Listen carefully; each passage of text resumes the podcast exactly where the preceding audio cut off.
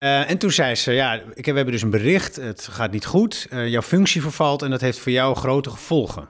En ik had niet zoveel geduld, eh, want ik zat dus in die auto en ik moest me concentreren. Ik dacht, wat zullen we nou krijgen? Ik schrok echt heel erg. Ik zei, word ik ontslagen? Je luistert naar Hoeveel ben ik waard?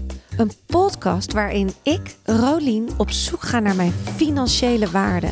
Ik spreek met gasten waarvan ik denk dat zij dit pad al hebben bewandeld. In deze aflevering ga ik in gesprek met Harmen van der Veen.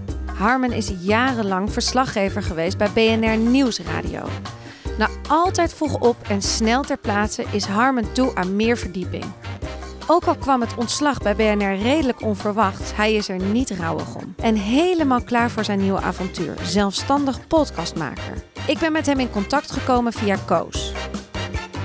Tel, jij zei tegen Koos aan de telefoon, hoeveel ben ik nou eigenlijk waard? Ja. En toen zei Koos, jij moet in de podcast. Ja. Dus vandaar dat wij hier zitten. Ja. Het was zelfs zo dat ik Koos inderdaad aan de lijn had. En we waren al in gesprek en ik was inderdaad op zoek naar mijn waarde. Omdat ik dus de nieuwe stap maak van een vast contract naar zelfstandig ondernemen. En toen liep jij langs en, hij had, en, en ik wist nog niet het bestaan van jouw podcast. En toen zei hij, wacht even, volgens mij hij riep jou. Hij riep jou Ja, ja, ja, ja, ja. Eh, ik heb hier iemand voor jou. Ja, Hoeveel ben ik waard, zegt deze man. Dat was ik. Nou, Ja, en toen bleek dat dus een, een, een vraag te zijn die, eh, die, die jou ook bezighoudt. ja. Ja, zeker. En helemaal omdat we dus ook allebei podcastmaker zijn. Nou, jij bent het echt al. Ik ben het in wording. Maar dan gaan we, ik toch die vraag stellen nu. Ja, Zou je voor mij kunnen beschrijven het moment dat je voelde wat je waard was? Dus waar, wat was de plek misschien dat je voelde... Ja, ik weet dat wel. Ehm, dat was terwijl ik aan het werk was voor BNR Nieuwsradio. Er zijn voor mij twee vormen van waarde. Dat is een soort van eigenwaarde en eh, financiële waarde. En die eerste die kwam toen ik merkte dat als ik meer tijd neem voor de personen die ik interview, dat ik veel dieper doordring en dat ik dan beloond word met echte verhalen. Geloofwaardige verhalen en ook menselijke verhalen. En toen ik dat ontdekte bij BNR, ik kan je niet specifiek aangeven welk moment, maar ik weet wel dat ik een eindredacteur had die zei: Ja, dit raakte mij. Dit is gewoon zo'n mooie. Die, die persoon die vertelt zo mooi aan jou, omdat duidelijk is dat hij jou vertrouwt. En dat jij dus ehm, een soort, soort veilige omgeving creëert in dat, in dat moment dat je samen bent en interviewt, dat die persoon zich openstelt voor jou. En daardoor hele mooie dingen zegt. En ehm, dat, dat was van waarde voor BNR, want BNR wil op de radio de, de beste quotes, de beste nieuwtjes, eh, het laatste nieuws. Maar als het even kan, wat mij betreft, ook dat ene unieke dat iemand zich openstelt. Ehm, terwijl die dat bij anderen waarschijnlijk niet doet, omdat in de eerste geval er te weinig tijd is bijvoorbeeld. Ja, Ehm, en, en, of, of geen comfort. ja, En toen ik merkte dat als ik dat comfort bied en de interesse toon en de tijd aanbied, van we hebben wat langer dan normaal, we gaan niet drie minuten tak, tak, tak, want dat was eigenlijk mijn werk, dan komt er iets heel moois. En toen merkte ik dat dat is van waarde. ja, dat is een grote waarde. En ik ben van waarde, want ik, ik krijg het voor elkaar en ik durf het. Want ik heb dus 20 jaar eh, radioervaring. Ik, jij zei net dat, dat, dat, dat ik de ervaren podcastmaker ben, maar ik, jij hebt er volgens mij al meer uren op zitten dan ik. Qua podcast, omdat ik eigenlijk alleen radio heb gemaakt. Live, BNR, nieuws, nieuws, nieuws. Je kent BNR. Ja, Nou, wij zijn gewoon van het nieuws natuurlijk. En, en, en, maar ook van het kort en snel. ja, En ik ben gewend om altijd ergens aan te komen, kort mijn punt eh, voor te leggen, mijn vraag te stellen en eigenlijk ben ik daarna alweer weg. ja. Maar neem ons even mee in hoe jou die twintig... Je hebt 20 jaar voor BNR gewerkt. Nee, nee, nee, 13. Oké, 13 jaar voor Ja, BNR. ja. En in loondienst. Zeker. Oké. Ja. Wa- hoe, wat deed jij op een dag? Jij deed het nieuws. Ja, echt nieuws. Dus ik volgde de hartslag van het nieuws. Dus eh, ergens eh, gebeurde iets. Ehm, en als journalist is natuurlijk altijd, ben je eigenlijk eh, wat dat betreft altijd toch te laat. In de zin, je zou erbij willen zijn als het gebeurt. Maar meestal moet je reageren op iets wat al gebeurd is. En dat is prima. Dat is een nieuwsgolf eigenlijk. En, dan- en ik ben degene die daarheen ging om eigenlijk ter plekke te kijken en te vertellen wat is er aan de hand. Zo simpel is het. Vliegende reporter. Echte verslaggever. Op ja. locatie. Zeker, het hele land door. Oké. Heerlijk. Ja, in Weg. je eentje met een, met een microfoon. In mijn eentje. Ik had één handmicrofoon met een heel dun koordje naar mijn koptelefoon. Super handzaam. Kleine rugzak. eh, fijne auto en goede zin. Ja. En zo ging ik het land door. Maar dan niet monteren, was gewoon Alles. live Ook monteren. in de auto. Ter plaatse daar, laptop uit, waar ik ben. Als er wifi is, kan ik werken.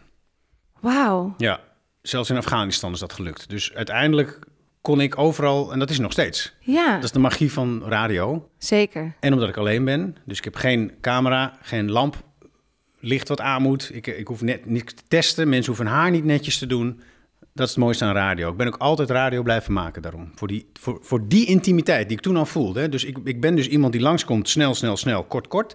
En dan toch is het intiemer dan tv. Ja, en je kan heel goed dus presenteren en presteren op moment suprem. Ja. dat vind ik wel een kunst. Ja, dat is live. Ja, eh, niet that's live, maar dat is live Ja. radio. Dat is altijd vlak voordat je de lucht in gaat, heb je contact met de regisseur. En de, je hoort de uitzending, dat is best wel heftig. Eh, je went eraan, dus het wordt steeds minder spannend. Maar die spanning doet altijd iets met je. En dan, ja, dan presteer je op een soort heel lekker hoog niveau. Dat hoge niveau, dat voelde ik ook, maar niet bij mezelf. Hoe langer we praten, hoe zenuwachtiger ik werd. Ik realiseerde me steeds meer dat ik tegenover een pro zit, een man met ervaring. Ervaring in iets wat ik zo graag wil kunnen. Zijn houding is ontspannen en ik hoor in zijn stem mooie en duidelijke antwoorden. Ik probeer te ontspannen, maar zoek naar vragen in mijn hoofd. Ze komen niet, niet op het goede moment. Ik heb echt zweetoksels, maar ik blijf natuurlijk erg lief lachen. Oké, Rolien, focus. Vraag. Een vraag. Oké. Harmen, jij zat dus bij BNR in loondienst. Eh, hoe werkt dat daar? We hebben schalen Ja. en daar, eh, ja, dat is een bepaald bedrag. En als je goed presteert, krijg je dan die beoordelingen, functioneersgesprekken en beoordelingen. En, en als je het goed doet, krijg je elk jaar er een beetje bij. Ja. Maar je ging nooit zelf eh, onderhandelen in die periode. Ik heb goed onderhandeld toen ik van Radio Noord-Holland naar BNR kwam. En dat heb ik vooral in tijd gedaan, want ze wilden... De vacature was 40 uur en ik heb de hele procedure doorlopen. En toen het moment er daar kwam, zei ik... maar ik wil eigenlijk één dag in de week niet werken. Want ik heb twee kindjes, toen nog één. En ik vind het heerlijk om eh, thuis te zijn. En eh, ja, dat, dat wilden ze toen niet. Eh, Rens de Jong, die, eh, die ken je wel misschien. Die was toen mijn soort van chef. En daarnaast zat Martine Wolzak. En die eh, was ook een soort souschef. Ik wist het allemaal niet precies. En, eh, en, en ik zei dat, van ik wil voor de kinderen zorgen. Toen zei hij eh, min of meer, ja dat, dat, dat, dat gaan we niet doen. Sorry, je had we zoeken een slaggever voor 40 uur. Ja. En toen zei zij, ja dat gaan we wel doen. Bleek ze later zwanger. In die tijd had bij BNR niemand een kind. Nee. We waren jong en we zijn nu wat doorgegroeid. Maar ik was een van de eerste met kinderen. En ik was, nou, ik ben toch een beetje trots op. Een van de eerste die gewoon zei, ik ga voor 32 uur. Ja. Wat ook betekent dat ik veel minder ging verdienen. Nou, niet veel minder, maar toch wel ja, minder. Ja, want, je, want de, de, de- je ging dus wel iets naar beneden. Ja, nou ja, alleen ik ging, per, ik ging dus eigenlijk, eh, ik bleef, alles bleef gelijk, alleen ik ging minder werken. Ja. Dus dat was mijn onderhandeling, want ze wilden me eigenlijk niet meer geven. Toen zei ik, nou dan wil ik minder werken. En toen kwam ik per saldo uit op wat ik had bij Radio Noord-Holland. En toen, Voor vier. Ja, dus heb ik uiteindelijk toch goed onderhandeld. Ja, zeker. Ja. En dan niet na een jaar weer zeggen van... Dan kwamen zij gewoon naar jou en dan ging je gewoon inderdaad je... Je bedoelt de functioneringsgesprekken Ja, Ja, ze hebben zo'n systeem eh, opgebouwd. Toen ik bij BNR kwam waren we heel klein en ook best wel een beetje amateuristisch. Er was ook geen CAO. Ehm, dus je had ook niet echt heel veel rechten. En dat is allemaal veranderd ten positieve. De vakbond kan zich er ook mee bemoeien. En uiteindelijk eh, kwam er een soort schalensysteem met functioneringsgesprekken en beoordelingsgesprekken. En dat is eigenlijk al die jaren kreeg ik altijd goed. Ja, Goed, goed, goed, goed. Totdat ik zei, ik vind tien keer goed eigenlijk gewoon exceptioneel. Dus ik wil nu een veel hogere loonsverhoging. oh, dat heb je wel onderhandeld. Ja, en toen kreeg ik dat niet. Maar toen zeiden ze, ah, je hebt recht op seniorship. Dat hadden ze me niet verteld. Had ik ook niet echt gehoord van collega's, maar had ik al lang recht op. En toen ging ik een soort enorm omhoog. Oké. En toen bleef ik weer op goed, goed, goed. Toen zei ik weer, nu vind ik eigenlijk dat ik wel eh, eens een keer uitmuntend mag hebben. Want dan krijg je een fix loonsverhoging. En toen kreeg ik matig. Oh, oké. Goed ik, eh, geregeld. ja, het, ik, het, en toen dacht ik, ik moet weg. hier. Wat deed dat met jou, ja? Dat vond ik heel erg. Ja, Dat was drie jaar geleden en toen, toen dacht ik ook, dit is klaar. Ik, ik, ik, ik moet uit dienst. ja. Ja, want hoe kan jij, kan jij een beetje vertellen hoe dat... Want jij gaat nu weg. Jij bent nu weg bij BNR. Ik ben ontslagen. Je bent ontslagen. Ja. Hoe voelt dat? Even tussendoor. Ehm, goed. Oh ja, in jouw geval goed. Nou, ik, het is een emotie, eh, een, een, een, eh, hoe zei iemand, een vriend van mij? Het is een, eh, een draaikolk van emoties. Net als ehm, bij al het andere verlies liefde en dood, een soort rouw. Het is gewoon e- eenvoudig, Ehm, dat is het. Dus eerst een soort klap, toen vernedering, daarna nadenken, toen een soort van cognitieve dissonantie van, ja, misschien is het me beter zo. Dan ga je zoeken naar wat, wat goed is voor jou. En, en uiteindelijk besefte ik meer dan ooit, ik was al drie jaar bezig met vertrekken. Ja. Ik had ook al een coach ingeschakeld Zie je, Koos, ook mannen hebben een coach. te zoek te gaan van, nou, wat, waar zit mijn waarde en wanneer valt het samen met mijn, wat ik echt wil? Ja. Dan komen we terug met wat ik net met het begin was. Dat is dus, ik wil mensen raken. Ik wil doordringen. Ik wil doorvragen, doorpraten, gedachten afmaken. Kan allemaal niet bij BNR Nee. op het eh, verslaggeversniveau waar ze mij eh, op wilden houden. En eh, toen, zei, toen had ik al bedacht, na die, die soort van niet zo positieve beoordeling, prima, nu ga ik proberen te vertrekken. Maar ik durfde niet, want ik zat wel in het comfort van dat vaste salaris. En toen werd Ja. ik ontslagen. Ja, dus het kwam eigenlijk wel mooi. Ja, Maar ik wil dan ook nog heel even weten hoe zo'n gesprek gaat. Want jij wordt dan, hoe gaat het? Word je gebeld en gezegd, kom maar even naar kantoor? hoe ik ontslagen word. Ja, Nou, ik zat in de auto, A2. Dit is een moment wat ik wel nog precies weet. En toen belde mijn eh, hoofdredacteur Harmen. ehm, straks hebben wij een plenaire vergadering, die had ik al zien staan. Ging ik, ging ik nooit heen als verslaggever, want ik was altijd in het land. Ehm, en daar, eh, daar moet ik iets vertellen wat voor jou niet goed uitpakt. En ik zat in de auto op weg naar eh, het Sint-Antonius ziekenhuis, waar ik tien dagen lang mezelf had laten opnemen. Met alle verplegers, artsen, chirurgen, iedereen IC-artsen bedoel ik. Iedereen in het ziekenhuis mocht ik interviewen voor die podcast. Het was mijn mooiste podcast ooit. En ik was toen al in mijn hoofd ook wel bezig met, nou, zo wil ik verder. Als deze goed wordt, dit wordt, moet mijn beste worden bij BNR. Als deze goed wordt, wordt dit een soort standaard. En dan ga ik weer terug, weer een soort in onderhandeling. Ik wil bij BNR podcast maken worden. ja. Eh, en toen zei ze, ja, ik heb, we hebben dus een bericht, het gaat niet goed, eh, jouw functie vervalt en dat heeft voor jou grote gevolgen. En ik had niet zoveel geduld, eh, want ik zat dus eh, in die auto en ik moest me concentreren. Ik dacht, wat zullen we nou krijgen? Ik schrok echt heel erg. Ik zei, word ik ontslagen? Gewoon. En toen zei ze niet eens letterlijk ja. Ze zei, ehm, ja, eh, ik, ze zei niet, ik ben niet toen ontslagen namelijk. Ik, ze, Ze zei iets jouw functie onder de loep of Mijn zo. functie verdween en, en Oh ja. eigenlijk en ik daar achteraan. Oké, Dus, dus, dus, dus, het, dus mijn functie als verslaggever zou verdwijnen. Maar ze gingen je ook niet ergens anders plaatsen, zo te horen. Nee, nee, later bleek, vond ik dat eh, wel verrassend, omdat ik heel breed inzetbaar was. En ze hebben me ook altijd breed ingezet. Dus redactie deed ik, presentatie af en toe. Hoe dan ook, ik werd toen eigenlijk in de auto eh, ontslagen. En dat heeft ze wel heel goed gedaan. Ze heeft mij eerst persoonlijk dat verteld voordat het en plein, eh, Ja. tijdens de plenaire werd verteld. Ja. En dat is natuurlijk heel goed. En later bleek met twintig anderen. En, ehm, maar ik ben toen gewoon gaan opnemen. En ik had een van de meest intensieve opnamedagen van die tien dagen dat ik in het Sint-Antonius ziekenhuis was. Namelijk met, met coronapatiënt Jessica. En die zat helemaal verstopt achter in de afdeling eh, corona-proof, dus helemaal in isolatie. Toen was zij nog maar de enige op de vleugel, dus golf 1 was achter de rug, golf 2 moest nog beginnen.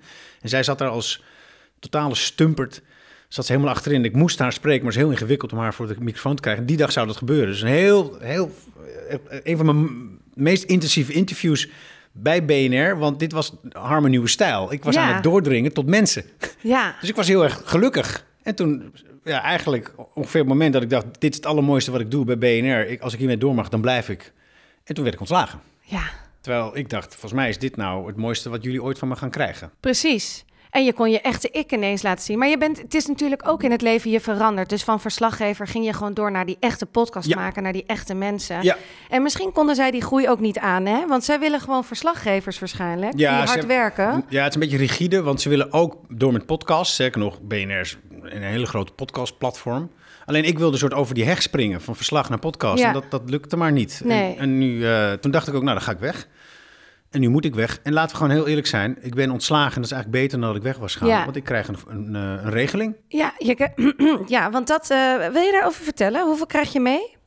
Ehm, jeetje. Gewoon nou, echt- krijg je, krijg je in maanden, je van mij niet. Nou ja, Nou, we willen heel- natuurlijk het liefst bedragen, maar Ja, ik krijg 13 keer eh, een deel van mijn ma- jaarsalaris Ja. mee. En daarbovenop hebben ze nog een losse vergoeding. En, een, en 4000 euro sowieso voor cursus. Ja. Ik ben blij, ja, want ik voel me nu helemaal verlost. van dat alles. van dat nieuws, nieuws, nieuws, Ja. kort, kort, kort. Ja. Kijk, ik ben kort, kort, kort, snel, snel, snel. Ik was er nog goed in ook. Hè. Ik kon heel goed in drie minuten lekker snel. En, en ik had er ook wel kunst aan. Alleen ik voelde me altijd een soort halve aanrander als ik weer wegging. Ja, Een politicus die kan het allemaal wel aan. Die is daarvoor bijna voor eh, getraind om kort en snel met iemand te praten. Maar soms had ik wel eens een hele een, een boer of zo, een hele kwetsbare positie. Nou, boeren zijn over het algemeen heel stug, maar als je dan die ene komt die, die, die, die lijkt zich te openen voor jou, dan ben je nog steeds weg. ja. En dan en dan en tot ziens. Ja. Want, en, want morgen is er weer ander nieuws met een andere persoon. Eh, en ja, ik voelde dat eh, ik, had daar geen zin meer in. Nee, het klinkt ook wel heel kwetsbaar, maar is of, eh, mooi dat je dat zo ervaart. Want het is, is dat ook niet omdat je ouder wordt dat je dus die echtheid op gaat zoeken. Je wil niet meer die, die flashy, snelle. Het is gewoon mijn leeftijd ook. Ja, Ik moest ook heel vaak vroeg op, Rolien. Echt vroeg. We hadden een soort standaard ding. 20 over 7 moet er een verslaggever live. En soms was het belangrijker dat er iemand ergens stond... dan of het nieuws wel echt zo heet van de naald gebracht moest worden om tien over zeven ochtends. Maar de consequentie was dat mijn wekker om tien over vier afging als ik naar Zeeland moest. En dan reed ik dus in de auto daarheen. En dan stond ik daar live om tien over zeven met... Nou, ik, dit voorbeeld kan ik me echt wel voor de geest halen. Met een man die deed iets aan duinversterking of zo, aan de Schelde. Dus we stonden midden in de nacht aan de Schelde. Je kon geen klap zien, dus of de Schelde daar lag of daar. Wij wisten het niet. Nee. De duin was niet te zien. En die man stond daar, die was net zo bijna zo vroeg uit zijn bed gekomen als ik. Doodzenuwachtig. Ik moest live. En het eerste wat de regisseur zegt, ehm, niet te lang. Want dan gebruiken ze mij live als een soort bumper om in te lopen op het schema. Want dan had Bas te lang geïnterviewd. En dan moest ik als verslaggever dat eigenlijk oplossen door het korter te doen. oh. En dan sta je daar dus, midden in de nacht. En dan moet je dus ook nog kort. En toen zei die man, waarom kom jij helemaal uit Amsterdam op dit belachelijke tijdstip? Waarom moet ik uit bed komen? En dan hebben we dit veel te korte gesprekje. Ja, Nou, en toen dacht ik, ja, je hebt gelijk. ja, En daar kwam nog bij, over leeftijd. Ik wilde wel met, met diepgang, maar ik kan ook niet meer zo kort slapen. nee. Ik moet, ik moet, als ik niet lang genoeg slaap, word ik verschrikkelijk onaangenaam tegen mijn kinderen en, mijn, en de hond en mijn vrouw. Eh, heel, heel aangebrand en zo. Dat is heel onaangenaam. Ja. En, en ik kan ook niet meer eh, zo lang rijden. Dus ik moet dan stoppen, moet ik een powernap doen. En doordat ik die powernap doe van 10 minuten, ik kan Moet je dat. nog vroeger op? Moet ik hier? Nou, wat erg. slaat dus helemaal nergens op. Dus Nee. ik moet om, om op tijd aan te komen en ook nog ondertussen te slapen voor het tijdgebrek wat ik oploop, omdat ik te kort slaap, moet ik kort. Het was Nee. catch 22. Ja. Dus daar ben ik ook van, van verlost. ja, precies. Puur leeftijd. Ik zie hier alleen maar pluspunten allemaal komen. Ja. Maar heb jij champagne gedronken toen je toch dat bedrag zag en dacht, die advocaat had gezegd, het is oké, doe het? Nee, geen champagne. Ik heb ook een realistische berekening gemaakt. Dit geld heb ik echt nodig. Ja. Ehm, en elke cent, het is geen cadeautje. Het is ook waar ik recht op heb.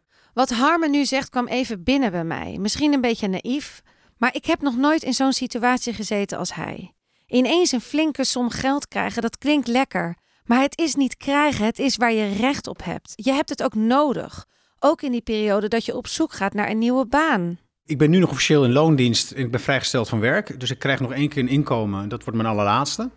Maar in januari moet ik het zelf verdienen. Ja, dan is het op. En in februari ook. En als het, als het in, in maart allemaal wel aardig gaat al- als beginner, dan moet ik het ook volgend jaar maart ook nog kunnen. Dus Ja. ik, ik heb zeker een jaar, eh, ja, dan, dan gaat het gewoon op. Dus dit En gewoon- vind je het nu spannend wat er gaat gebeuren? Ja, En je bent alle lijnen gaan. Je hebt natuurlijk wel veel lijnen. Van microphone media tot en met. eh, nou, het bleek dat ik dus wel een netwerk heb. Ja. Ja. ja. was ik ook niet zo mee bezig. Dat is ook wat waard. ja, Je bent wie je kent. ja, Eh, dat, dat leverde meteen eh, potentiële opdrachtgevers op. Waaronder eerst mensen die ik als BNR-verslaggever tegenkwam. Van ik gewoon dacht, ja, hier zit gewoon zoveel meer in. Ik kom nog een keer terug. ja. Maar daar had ik nooit tijd voor. Want ik, ben, ik was letterlijk de volgende dag weer met ander nieuws bezig. En toch heb ik die mensen... Ik heb een paar... één, één, één, één geval heb ik teruggebeld. En, en die, wil, die wil dus een podcastserie met mij maken. Dus je hebt alweer een. Potentieel. Ik heb nog niks zwart op wit. Nee, oké. Maar ik werk dus bij, met, met Koos ook. Dat Harmen ook met Microphone Media samenwerkt, betekent dus ook dat Harmen en ik soms in dezelfde pool zitten voor een podcastopdracht. Microphone Media biedt namelijk een klant meerdere podcastmakers aan. En dan is het aan de klant met wie ze willen samenwerken. Toevallig was dit net het geval bij Harmen en mij. Wij waren samen in de race voor een nieuwe podcastserie. En na dit gesprek liepen we samen nog even naar het kantoor van Microphone Media. En kregen we van Koos te horen dat Harmen de opdracht had binnengehaald. Ik ben echt blij, want het is een supermooie klus en het past helemaal bij Harmen. Wel wil ik graag van hem weten hoe hij zijn potentiële klanten gaat binnenhalen. Want nu hij niet meer zo'n mega groot platform als BNR achter hem heeft staan, moet hij het vanuit Harmen van der Veen gaan verkopen. Vindt hij dat spannend? Ehm, nou, wel spannend, omdat ik eerst dacht, zonder BNR ben ik minder waard. Want achter mij staat een platform waarop zij dan die podcast ja, publiceren, die verschijnt daar. En dat, dat is wel een sterk merk, BNR. En ben ik in mijn eentje dat waard? Toen, toen dacht ik, ik ben ook weer goedkoper. Want Ja. ik heb één keer een proposal van BNR meegemaakt voor een potentiële opdracht die ik ook had binnengehaald om een podcast te leveren. En toen moesten ze dus zoveel betalen dat ik daarvan betaald kon worden, dat BNR geld overhoudt. En toen zag ik die bedragen en toen besefte ik voor het eerst wat ik dus financieel waard was. Hij weet nu dus wat BNR vraagt voor een opdracht en wat er voor hem wordt gevraagd. Maar dat is vanuit BNR het grootste podcastplatform van Nederland. Hoeveel vraag je als zelfstandig podcastmaker? Daar heb ik mijn schriftje voor Oh, wat meegenomen. goed. Want het is voor mij dus. Ik ben een, misschien wel in jouw serie degene die het kortst ervaring heeft met het berekenen van zijn eigen prijs. Ja, Sterker nog, ik heb het nog geen één keer eh, uitbetaald gekregen, mijn uurloon, nee. mijn dagloon. En ik ben dus gaan rekenen. ehm, en dan moet je uitgaan. Ik ben uitgaan van mijn netto maandsalaris wat ik had. Dat heb ik gedeeld uiteindelijk door eh, dagen, uren. En toen kwam ik uit dat ik per uur 40 euro verdiende. En Bij dat bleek eh, BNR. bij BNR. Dat is dus eigenlijk vrij weinig. Ja. En, dan, en dan moet je natuurlijk wel berekenen dat zo'n 30% betaalt je werkgever. Hè? Dus je pensioen en alles en zo. Dat wordt al van tevoren eraf gehaald. Dat moet Ja. je er nog bij gaan verdienen. Dus toen had ik al, iemand zei, dan, je moet dus 30% boven je vorige uurloon erop. En dan zit je een beetje op een soort redelijk loon voor een zelfstandige. Maar omdat ik de BNR-uurloon nam, kwam ik bij- bij- vrij laag uit. Nou, toen heeft een vriend van mij, die heel veel ervaring heeft, heeft gewoon gezegd: je moet gewoon nu even een, een dagvergoeding gaan in je hoofd Ja. gaan nemen. En uiteindelijk moet je terugkomen op een uurvergoeding. Want Ja. als je een factuur schrijft, is een uurvergoeding beter dan meteen een dag. Hangt vanaf. Maar een uur, je, je moet een uurloon Maar je kan ze ook allebei aanbieden, toch? Klopt. Van als je me een dag, dan is het dit. Als je per uur, alle Precies. feedbackrondes die we achteraf doen, gaan per uur. Ja, dat klopt. Het En toen, en toen zei hij, ga nou eens uit van deze dagprijs. En toen zei ik, dat is, dat is veel te veel. Ik ben, dat is te duur. Want ik, ik, ja. Maar dat is niet zo. Nee. Dus ik kwam uiteindelijk uit op 70 euro. Dat ligt dus behoorlijk wel hoger dan ik ooit bij BNR had gevraagd. Ja, maar dat is in of exclusief? Exclusief. Dat is ehm, volgens mij inclusief. Want die 30% moet ik nog even... Ja, hier. 68 euro en 75 cent per uur staat hier. Is 550 per dag. Dus dat zou dan gaan om alles. Hè? En daarna moet je dat nog afdragen. Dus daarna moet je nog Ja. afdragen. En dan kan je denken, dat is niet zo'n hoog uurloon. Maar Je kan ook dan, als je dan uiteindelijk een offerte gaat maken... Dit is allemaal nog splinternieuw voor mij. ja, ik luister mee, ja. want ik zit precies in dezezelfde berekening. Ja, en dan kan je dus ook ruimer in je uren gaan meten. En dan, dan, dus dan, dan, neem je meer, dat, dat je dus niet in het gevaar terechtkomt dat je dus voor een hoog uurloon te weinig uren hebt Ja. geschreven, dat als je door moet werken, dat je dat niet betaald Ja. krijgt. Dus ik heb nu begrepen, zeker omdat ik beginnend ben, niet een al te hoog uurloon, maar zorg dat je niet in de knel komt met je tijd. Nee. Dus als je hem opzet voor iemand, ik heb dus nu eigenlijk nog maar één offerte in mijn eentje gemaakt, wees ruim in de tijd. Ja. Want dat is ook iets. Ik, heb, ik herken dit gewoon zo ontzettend. Want ik heb ook laatst mijn eerste offerte geschreven. Ja. En dat ging over 10 podcasts à, à la 10 minuten. Ja. Ik dacht, oké, twee dagen opnemen, al die 10 podcasts. En dan Ja, per dag drie editen. nou, dat is gewoon veel te krap. Nou, dat, ik, ik, toen later dacht ik, Ja, de, ik, ik ben al overspannen bij dat idee. Ja. ja, En degene van de offerte vond het ook aan de hoge kant. Terwijl ik 55 euro per uur vraag. ja. En dan 400 euro voor een dag. Dus dan krijg je een soort van 10% korting als Ja. je me een dag. ja. Maar ik kwam helemaal niet uit. Nee. Maar ik, Dus je denkt dat je veel te veel kan. Nou, ik denk dat ik te snel kan werken, wat Ja. ik absoluut niet kan. Nee. Want ik ben gewoon met deze podcast ook zeker twee dagen aan het editen. Ja. Het kost meer tijd dan je denkt. Ja. Maar ik vind het soms zo lastig, en ik weet niet of je dat herkent, is dat als je nu een podcast gaat verkopen, Ja. dat mensen nog niet begrijpen wat de waarde van een Klopt. podcast Nou, is. wat ik merk, het voordeel voor jou en voor mij is, het woord podcast hoef je niet meer uit te leggen. Nee, nou, dit is sinds een jaar. Dat nu. was een jaar geleden wel anders. Ja, En iedereen wil iets met een podcast. ja, Het, lijkt, het is een beetje zoals internet. Dat is best goed, toch? Van ooit, weet je wel? ja. Daar moeten we iets mee. En dat iemand zegt, nou... Niemand zegt meer podcast, wow, daar luistert niemand naar of zo. Dus het is gewoon echt, dat, dat deel hoef ik niet meer uit te leggen. Het tweede deel is wel, het kost meer dan je, da- dan je denkt. Ja. Maar het is goedkoper dan televisie. Zeker. Nou, en daar, daar, daar heb ik ook wel Koos bij, eh, eh, heeft me daarbij geholpen. En die vriend. eh, en, en, en, en ook gewoon een normale marktprijs. Dus ja, het ligt, het, het- je moet wat meer vragen dan je zelf zou denken. Ja.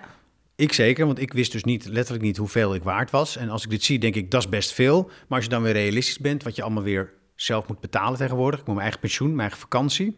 Ik wil in juli echt weg. Ik ben Ja. echt iemand die heel goed op vakantie kan. En ik was altijd heel blij met BNR, want dat was einde van de dag, was het nieuws ook klaar. Ja. Ik was klaar en ik stond niet meer in het schema, werd ik niet gebeld. Wat is je doel qua omzet volgend jaar? Oh, dat vind ik een hele. Daar heb ik geen idee. Ik, ik, ik, mijn doel was in principe evenveel verdienen als ik verdiende. En dan doe ik dus leuke werk. En dan ben je er eigenlijk op vooruit Wil je wel hè? zeggen wat je per jaar verdiende bij eh Ja. BNR? Ja, ehm 42.000. Nou, vind ik echt wel goed hoor, voor de Ja. vier dagen per Ja, week. ja, ik heb ook lang daar gewerkt en ik was ook senior. En ehm, het is eh, helemaal niet slecht. Dus dat, dat, dat wil ik opnieuw verdienen. Ehm dit, dit bruto, En hè? misschien wel meer, hè? En misschien wel meer. Maar als ik, kijk, maar als ik dus hetzelfde, als ik dus niet op achteruit ga en ik doe leuke werk, ben ik er dus op vooruit gegaan. Ja, zeker. Zo was mijn allereerste onderhandeling ook. Ja. Dat ik dus minder wilde werken voor hetzelfde geld. Ja. En nu wil ik dus hetzelfde verdienen voor leuker werk. Wil je volgend jaar nog één keer bij mij aan tafel komen en dan vertellen hoe je omzet was? Zeker. Of je het gehaald hebt? Of Leuk. je omhoog gaat? Ja. Oh, dat vind ik heel leuk. Ja. Ja. En dan doen we een korte, een recap. Nee, dat Zo is goed. Maar dat doe je bij al die mensen dan, neem ik aan. Nee, bij jou. Oh, oké. En jij bent echt mijn, de eerste starter. Ja, dat is waar. in, in deze... Ja, ik heb nog 0 euro. Nee, ik precies. Ja. Dus ik ben heel benieuwd Ja, dat is goed. of je dan je, je mooie boekje mee hebt om te kijken hoe Ja. vaak je een berekening Ja, hebt het was vandaag, zullen we dan ook zeggen? Ik, ben, Ja. ik heb mijn telefoon uitgezet. Het was, wat is het, 16 Het is, december? eh, eh, ja, inderdaad, 16 december. En we Sta- zitten tegenover Artis. 2020 staat genoteerd. Ja, top. Nou, fantastisch. Dankjewel. Graag gedaan. Over het kasboekje van Harmon maak ik me geen zorgen. Hij zit hier volgend jaar met een dikke smile aan tafel. En ook ik, want dan heb ik nog meer geleerd en nog meer ervaring. Maar voor nu, lieve allemaal, dit was het dan. Het eerste seizoen van Hoeveel ben ik waard zit erop. Wat een avontuur en wat een hoop geleerd. Ik ga even alle inspiratie op een rijtje zetten en ik ben half januari terug. Met nog meer mooie gasten en nog meer inspirerende verhalen. Want seizoen 2 gaat door. Tot de volgende!